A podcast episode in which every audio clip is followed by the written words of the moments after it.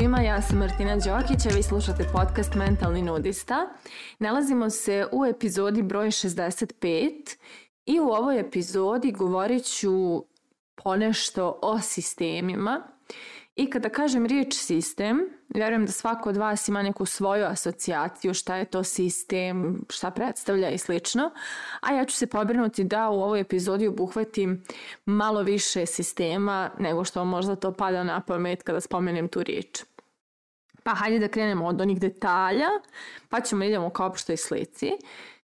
spominjala sam u nekim prethodnim podcastima temu naših uloga i kako u nama postoji veliki broj uloga koje međusobno su slične, neke se jako razlikuju i samim tim e, svaka uloga u nama ima neki sistem kojem pripada. Naprimjer, mi kao dijete pripadamo svom porodičnom sistemu, Eh, mame, tate, brata, sestre, zavisi koga imamo, babe, dede i slično. Eh, zatim, opet ako smo osnovali neku svoju porodicu, onda smo tu kao partner, kao otac, sin, bože otac, sin, kao partner, kao, kao žena, muž ili uh, majka, otac, znači nešto, neke od tih uloga u nama pripadaju tom sistemu. Zatim imamo sisteme uh, koji su dalje širi, tipa poslovni sistem, pa prija, prijatelji i tako dalje. E, znači, kao što spomenuh, um, imamo tako različite uloge koje pripadaju različitim sistemima, ali postoji još jedan sistem prije tih naših uloga koje se povezuju s raznim sistemima kojima pripadaju, a to je naš unutrašnji sistem vrijednosti, sistem uvjerenja, sistem mehanizama za preživljavanje i to su neki razni sistemi unutar nas koji predodređuju mnogo toga. I kako ćemo da se ponašamo i kako ćemo da reagujemo i kako ćemo da razmišljamo i šta ćemo da osjećamo. Znači u nama postoji niz sistema koji nas definišu Nakon toga van nas postoje ti neki sistemi koje sam već i navela neke, to su znači porodični, to su prijatelji, to je posao, popet na hobiju, ako se bavimo nekim hobijem, tipa idemo na futbal, tu postoji neki sistem. I onda idemo na, na, na veći zoom, postoji sistem naselja možda, znači ponosni smo što smo iz tog i tog naselja ili iz tog i tog grada, zatim države, zatim dijela svijeta, planete i slično. Tako da u suštini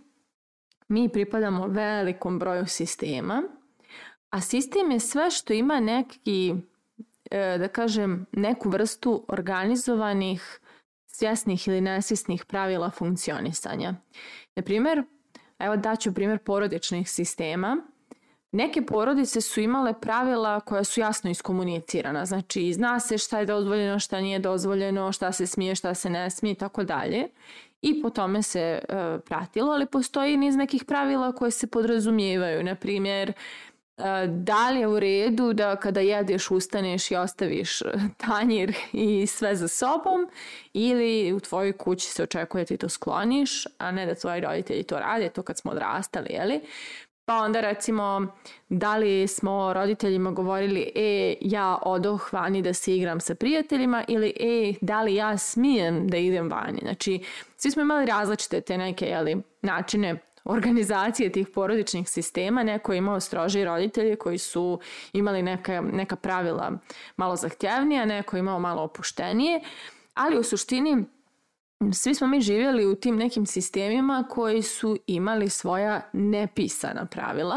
neka su bila jasna i izrečena, a neka su se nekako stvorila u našim interakcijama. Ja se sjećam, pošto sam ja dijete vojnog lica, moj otac nije s nama e, bio tu dok sam ja rasla, odnosno uvijek je radio u nekom drugom gradu ili državi I znam kada bi on došao i bio malo duže tu sa nama, recimo na odmoru ili tipa nedelju, dve, da je, da je bio nešto slobodan, um, njemu je jako teško bilo da se uklopi u naš sistem, odnosno on je pokušavao da nametne neka svoja pravila kako on misli da, da bi stvari trebale da funkcionišu, a to se jako sudaralo sa načinom na koji su stvari funkcionisale sve vreme dok on nije tu. I tu se stalno dola, dešavao taj neki sudar sistema.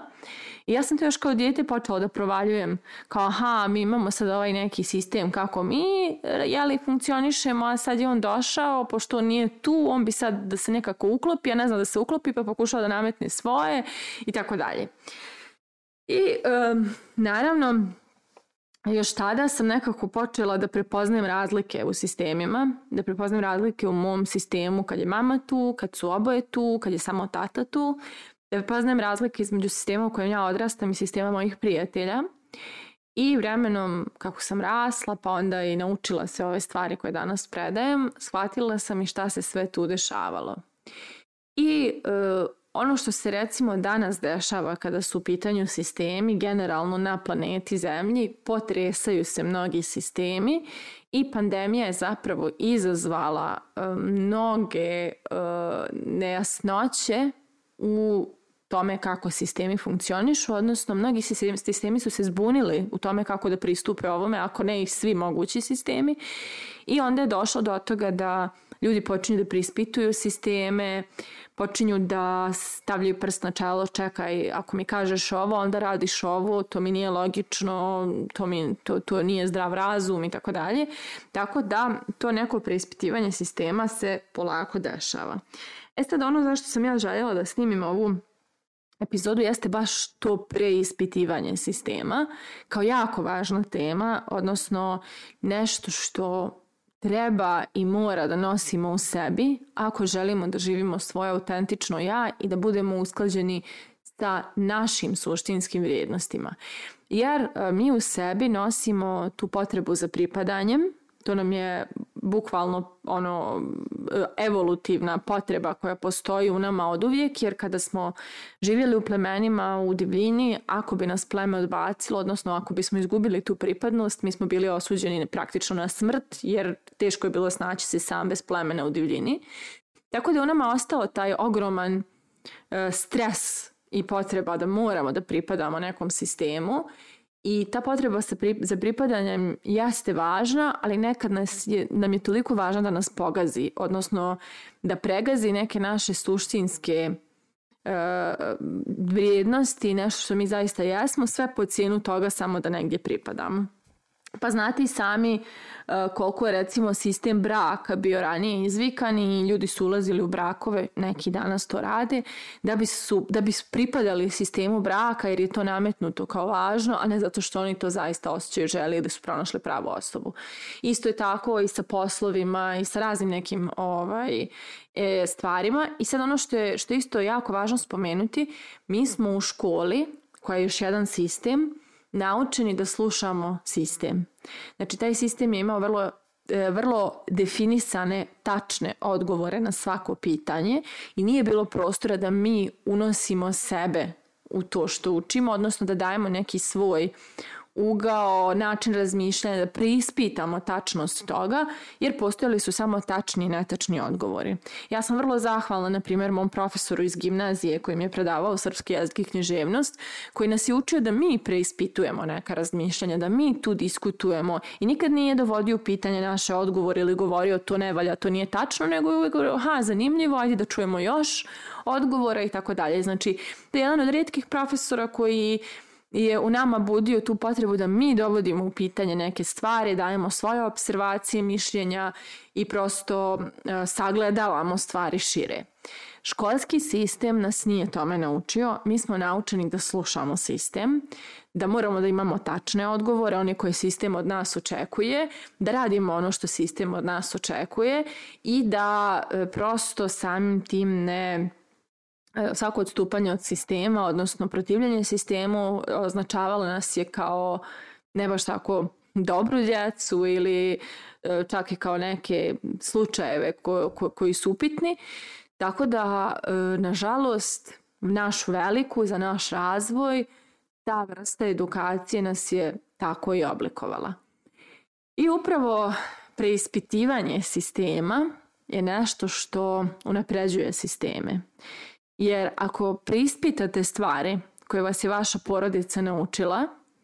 vi ćete početi da otkrivate koje su možda negativne strane njihovih razmišljanja koje ste vi nasledili,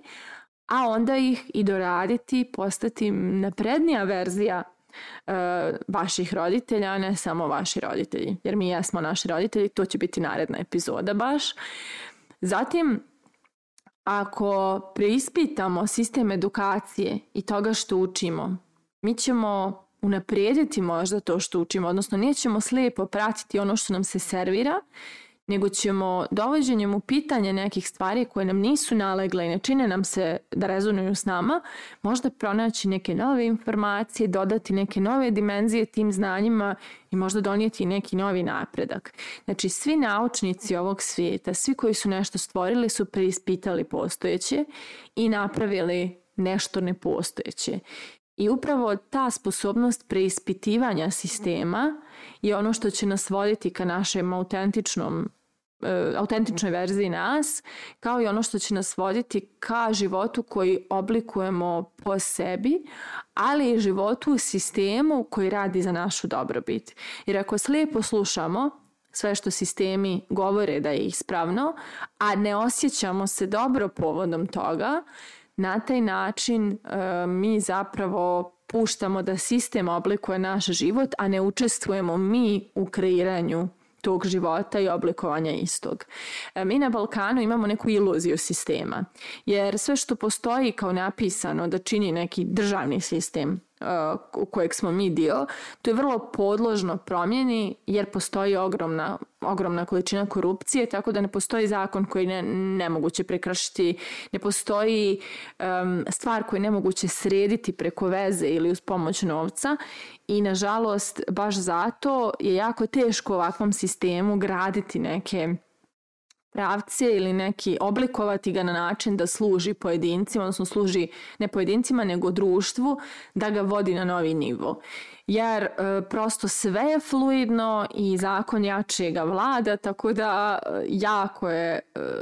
iluzorno misliti da je ovo što mi imamo sistem, odnosno to je neki sistem bezvlašća gdje svi smo mi okrenuti svom ličnom sistemu i svojoj dobrobiti nego nekoj zajedničkoj, sistemskoj i tako dalje. Um, malo sam sad upetljala ovu temu politiku što nije, nije u suštini namjera. Namjera je da e, razmislite malo o sistemima kojima pripadate. Razmislite kako ti sistemi čine da se vi osjećate. Da li vas njeguju ili vas troše i iskorišćavaju. Jer ukoliko vas sistemi troše i iskorišćavaju ili ste u pogrešnom sistemu ili je vrijeme da prispitate pravila tog sistema i zatražite promjenu istih. Jer upravo kao što su naše porodice sistemi koji su bili ili naša najveća sigurnost ili izvor naših trauma, tako su i naše države i naše poslovne, poslovne okruženja i prijatelji, sve su to sistemi koji definišu kako se mi osjećamo. I ako se u bilo kom od sistema osjećamo istrošeno, na, e, anksiozno, nervozno, nezadovoljno,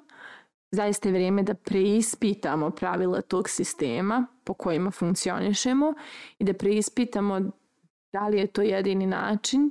ili postoji način da ih mi promijenimo ili na kraju krajeva da promijenimo cijeli sistem. I upravo preispitivanjem sistema napredovat ćemo i mi sami, koračat ćemo ka nekom kvalitetnijem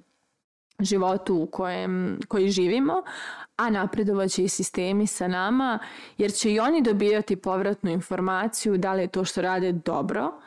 ili je to što rade nešto zastarjelo što mora da se mijenja.